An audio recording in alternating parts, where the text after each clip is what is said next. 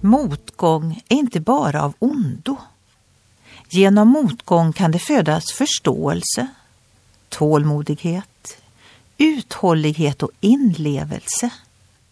Beethoven komponerade sin avancerade musik efter att han blivit döv. Pascal skrev ner sina djupaste observationer om Gud och människan, livet och döden, när han var allvarligt sjuk.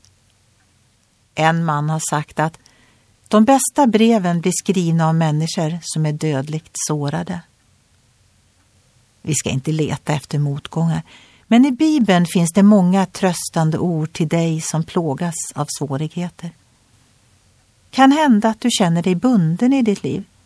Tänk då på att tron ofta visar sig på ett särskilt sätt för dem som har det svårt. I Bibeln står det men denna skatt har vi i lerkärl för att den väldiga kraften ska vara Guds och inte komma från oss.